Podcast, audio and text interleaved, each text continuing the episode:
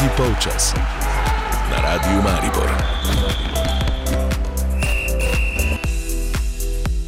Pozdravljeni v ponedeljkovih minutah za šport. Kljub neprijetnim časom je športna ponudba izjemno bogata.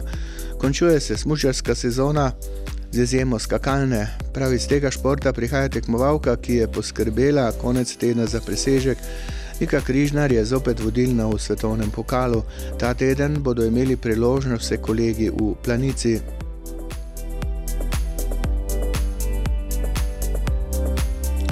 Pred nami je vendarle nogometno obarvan teden, dejavni bosta dve reprezentanci. Mlada bo v sredo v Mariboru začela Evropsko prvenstvo do 21 let. O petkratnih prvakih Špancih Žan Kolmanič takole razmišlja. Ja, mogoče Španci eh, niso navajeni tega hladnega vremena in uh, snega. Mi smo se v bistvu nekako privajali, tudi je, ni bilo preveč toplo v teh zadnjih dnevih. Tako da bomo videli. To so res velika imena, že sedaj v nogometu, igralci, ki kažejo tudi dobre predstave v večjih evropskih klubih. Po Špancih v sredo v Mariboru boste sledili še dve, ki ste bili prav tako evropski prvakini, Italija in Češka.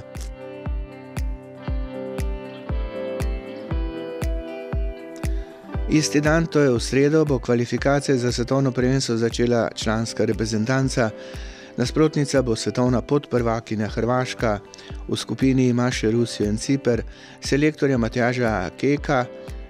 Pravzaprav nasprotniki ne zanimajo, obremenjuje se samo svojo reprezentanco.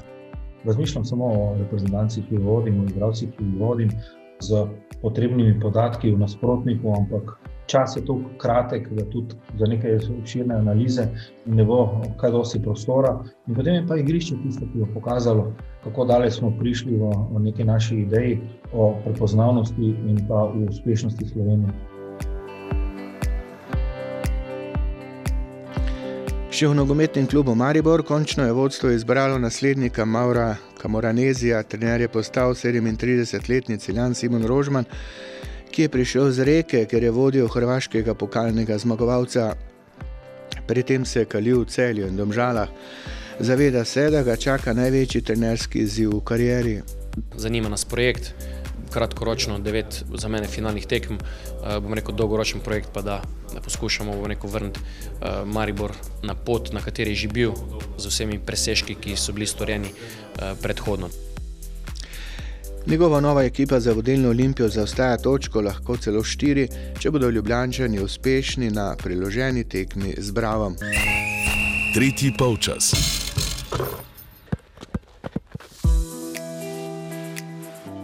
Edi Dolinšek, hvala lepa, da ste se odzvali našemu vabilu, si vzeli čas.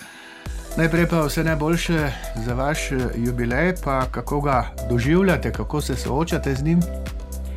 Ja, nisem naravno vesel, raje bi bil še mlajši, da bi nekaj let uh, še bilo pred mano, ampak dobro, mislim, da počutim se v redu. Ta korona nas je postila nekje ob strani, tako da pravzaprav lahko kljub temu uživamo. Kako se vas je dotaknila ta korona, to je splošno vprašanje pri vseh pogovorih. Ja, mislim, osebno me je bilo zelo strah, pravzaprav sem se izredno varoval, e, tudi nikamor se nismo, razen v kakšno trgovino, pa še tam zelo previdno. Tako da, drugač pa, ker smo pač malo izven mesta, e, nismo pravzaprav toliko občutili, ko je bilo lepše vreme, sem lahko bil zunaj, tako da pač, ampak strah je pa bil prisoten. Zdaj pa sem že cepljen, tako da je že boljše. Naslavljajo vas eh, za športno eh, legendo, kako jim odvračate to znako.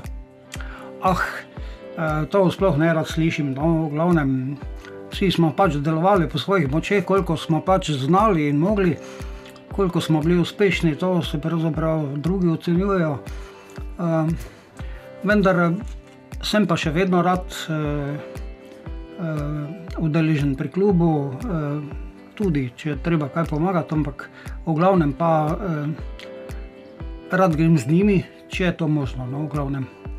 Ob teh eh, življenjskih eh, menikih se tudi vam dogaja, da nekako privrejo na dan eh, skoraj pozabljeni spomini. Ja, to se nikoli ne pozabi. Um, pravzaprav, uh,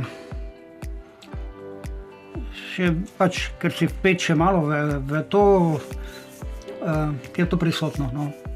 Maribor je bil vedno odbojkarsko mesto, pa vendarle vedno v senci nogometa, rokometa, košarke. Ampak ravno v vaših časih, 80-ih letih 20. stoletja, pa so vsi govorili o odbojki. Kako ste vi doživljali ta odbojkarski boom v mestu? Ja, moram pač eh, povedati, da ta spon je bil kar dolg, dolg približno 8-90 let, da smo prišli nekje do tistih najboljših rezultatov. Um, je res, da v tistim, tistih časih so, je odbojka postala popularna in tudi obiski na naših tekmah so bili zelo uh, veliki. No, v glavnem 2000-3000 letalcev smo imeli skoraj konstantno. Te, to se je pa zdaj v, zadnjem, v zadnjih nekaj letih kar spremenilo. Uh, upad gledalce tudi, čeprav naš klub še vedno dokaj.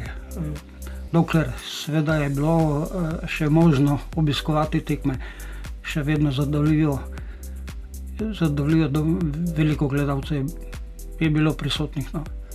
Na vaših tekmah takrat eh, so gledalci stali tudi zunaj dvorane, ni bilo dovolj mesta za vse. Sicer pa so ljudje hodili, predvsem zaradi odbojka, ampak tudi ker ste imeli mično ekipo. No, uh, kadar mi je kdo to omenil, sem bil prav jezen. Ker so mi pa večkrat rekli, da se ne gre, ne, ljudje ne pridejo gledati uh, odbojka, ampak uh, punce. Pač v glavnem, ekipa je res bila všečna, tako kot ste rekli, uh, vendar je tudi, smo igrali dobro odbojko. Tako da uh, v tistih časih smo bili nekje, res nekje na vrhu v Jugoslaviji. Ampak uh, to ekipo niste prevzeli, ko je dozorela, ko je bila tehnično, psihološko, taktično usposobljena, ampak v bistvu ste to žensko odbojko gradili kot ste gradili hišo, ne? od temelja do strehe. Ja, to je res. Uh, ko sem pravzaprav, ko je takratni predsednik. Uh, me vprašal, če bi začel z žensko dvojko. Eh, Branik takrat eno leto eh, ni imel sploh nobene selekcije, v glavnem stara, starejša ekipa je nekje eh, pač odnehala. Eh, in sem moral pač začeti od eh, temeljev. To zbiraj, zbral sem nekje 30 teklic, petega razreda, če to tu nekje.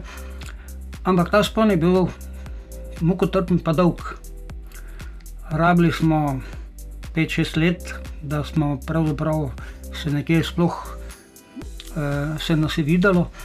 V glavnem tudi odbojka v Sloveniji je bila zelo, ženska odbojka je bila slabo razvita. V tistem času, uh, ko smo mi že enih pet let uh, recimo, gradili te mlade punce, je bilo v celi Sloveniji samo šest članskih ekip, pa nobene mladinske, nobene kadetske, ničesar. V glavnem smo se vključili v ta, eh, med to člansko ligo, ker so bile izkušene starejše igralke in tri leta nismo tekme dobili. Potem pa se je začelo in se je z leta v leto ta spon šel kar skokovito gor, da uh, smo potem prišli do državnega prvaka Jugoslavije. Težko je bilo takrat v Jugoslaviji osvojiti kaj takega. So bile tudi za kulisne igre? Ja, to je, jaz mislim, da smo bili, da smo pač, da nam je to uspelo. Ni sicer bilo na ključe, je res bilo trdo delo za nami, ampak ekipa, punce so bile zelo zavzete in veselile so se, če smo uspeli dobiti kakšen termin, dodaten termin za trening. Vse takrat je bilo drugače kot sedaj, ko se pač lahko tudi malo eh, se dogovoriš v šoli smo pravzaprav ob vseh praznikih, smo mi vse sobote, nedelje, ker takrat so bile telovnice proste, trenirali, da smo pač nekaj več eh, pridobili terminov. No. Ampak v glavnem se je potem to obrestovalo. Tretji polčas. Z Edijem Dolinškom ob njegovem življenjskem jubileju razpredava o mariborski slovenski odbojki. Ampak še en jubilej je povezan poleg tega življenjskega 50 let, eh, kar ste v trenerskih eh, vodah. Hitro ste nehali igrati. Ja, no, vsej, eh, pravzaprav, ko sem pač takrat prišel z fakultete, pa ko sem bil drugo leto v službi, pravzaprav takrat sem takoj začel na prošnjo pač predsednika Mrnika, da, da sem se stol, to je bila težka naloga, recimo, čisto od začetka, eh, sploh eh, vzgojiti ekipo. Ne? Tako da. Sicer pa hočan, kako to, da v hočah tako zaljubljeni odbojko, kar nekaj je bilo zelo dobrih odbojkarjev, zdaj so končno po 50 letih zopet v prvi ligi, Milan Primec, vaš soigralec, Jože Merkuš, Peter Grajf in še bi lahko našteval. Ja, to je bila generacija, ki, ki je praktično zrasla iz zgodbe, iz osnovne šole. Tako v tistih časih nismo imeli ničesar, s čimer bi se lahko ukvarjali. Edino to šport je bil in smo bili pravzaprav po 5-6 ur dnevno na igrišču. Tekmovali smo tudi v drugih eh, panogah, v atletiki, kjer, kjer se je dalo. No? V glavnem smo bili dokaj vsestranski, ampak iz takega malega kraja je nastala dobra ekipa, ki je potem tudi igrala v jugoslavskem prvenstvu. No, glavno so se vsi svoji igravci usmerili v moško odvojko, vi pa v žensko, torej na ključe. Ja, to, to je res na ključe, ampak tako kot sem že povedal. Če me takratni predsednik eh, eh ne bi povabil, pa prosil, da začnem, prej nisem niti o, o, o tem razmišljal. Potem pač, ko začneš, pa se zastrupiš počasi, pa, pa gre to naprej. Številni trenerji so bili trenerji moških, ženskih ekip, in pa dosledno celotno trenersko kariero, ženski trener. Torej, verjetno ste imeli neke sposobnosti, neko empatijo do uh, deklet. Ja, no, tako bi rekel. V glavnem, um, jaz sem tudi, ko sem počeval na šoli, sem uh, imel pretežno uh, deklice. In to je bila neka osnova, kjer sem lahko tudi izbiral uh, uh, talente. Tudi na nekih sosednjih šolah, šol, uh, ampak v glavnem izbor je bil lažji, ker sem pač poznal po fizičnih sposobnostih dekleta in samo tiste sem povabil v klub. Torej, košarka je ostajala brez mladih igralk, rokomet brez mladih igralk zaradi odbojke. Odbojka je bila pri športih hit številka ena. Ja, to, to malo težko komentiram. Pač mislim, tak, da, da, tak, da, da resimo, pač v osnovi je treba zelo široko nastaviti delo, da lahko potem nekaj talentov dobiš iz tega. Uh, zdaj, v drugih športih se težko. Uh, Pač ne poznam niti tako, tako razmerov, ampak mislim, da smo pač vsi imeli uh, podobne pogoje za delo. Pač nam je takrat uspelo, pa mislim, da tudi sedaj, še, še vedno je odbeka Mariboro na vrhu. Kako to toliko desetletij se je ta ženski klub eh, prenavljal? Vedno ste imeli vse polovico, tri četrt doma vzgojenih igralk. Ja, no, mislim, v bistvu je to to, ne, da, da mi smo kontinuirano, vsaj, dve, vsaj v mojem času, no, vsaj vsake dve leti smo nastavili nov, novo začetno skupino. Um, potem je lahko, smo potem eh, lahko zagotavljali, da so v vseh selekcijah da smo imeli dovolj uh, uh, igralk. Mislim, da je to tudi še sedaj tako v klubu. Mislim, da kljub zelo kvalitetno je organiziran in dela. Uh, edino ta to stanje v 100 korono, pa mislim, da je zelo ruši vse tiste temelje, ki smo jih imeli. In bo v točnosti zelo težko. V jugoslavskih časih ste bili eh, državni prvak, no že prej, eh, v 50-ih letih so bila dekleta, branika, najboljša v Jugoslaviji, pa po tem, eh, po osamosvojitvi, 16krat državne prvakinje, trikrat v Ligi prvakov, oziroma prvakin. Zakaj ta preskok ni uspel, recimo, da bi tudi v tujini pustili neko globjo sled? Ja, jaz mislim, da pač za eno tako kvalitetno ekipo, ki pač, je igrala na tem nivoju, uh, je, je naša Slovenija premala. Pravzaprav, da bi lahko sestavljala konkurenčne ekipe. Da pa bi, eh, tako vsi drugi klubi po Evropi, ki, ki so pač uspešni v tem tekmovanju, ampak eh, imajo pač tudi mnogo večja finančna sredstva, tega pa pri nas ni. Torej, s tem se bomo morali še nekaj časa sprijazniti. Gospod Linšek, eh, ob koncu tega pogovora, ob vašem življenjskem jubileju, še preprosto vprašanje, pa verjetno je težko eh, na njo odgovoriti, kaj je najlepše pri odbojki, recimo za vas. No, jaz, za mene pač osebno je, sem vedno rad gojil raznovrstno odbojko, to se pravi kombinatorno ker, eh, ker pač tudi v sedanjih razmerah pogrešam. Uh, lahko bi se igralo tudi bolj raznovrstno, bolj dopadljivo za gledalce.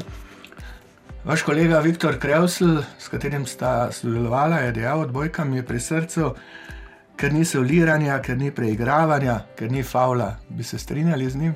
Ja, vsekakor.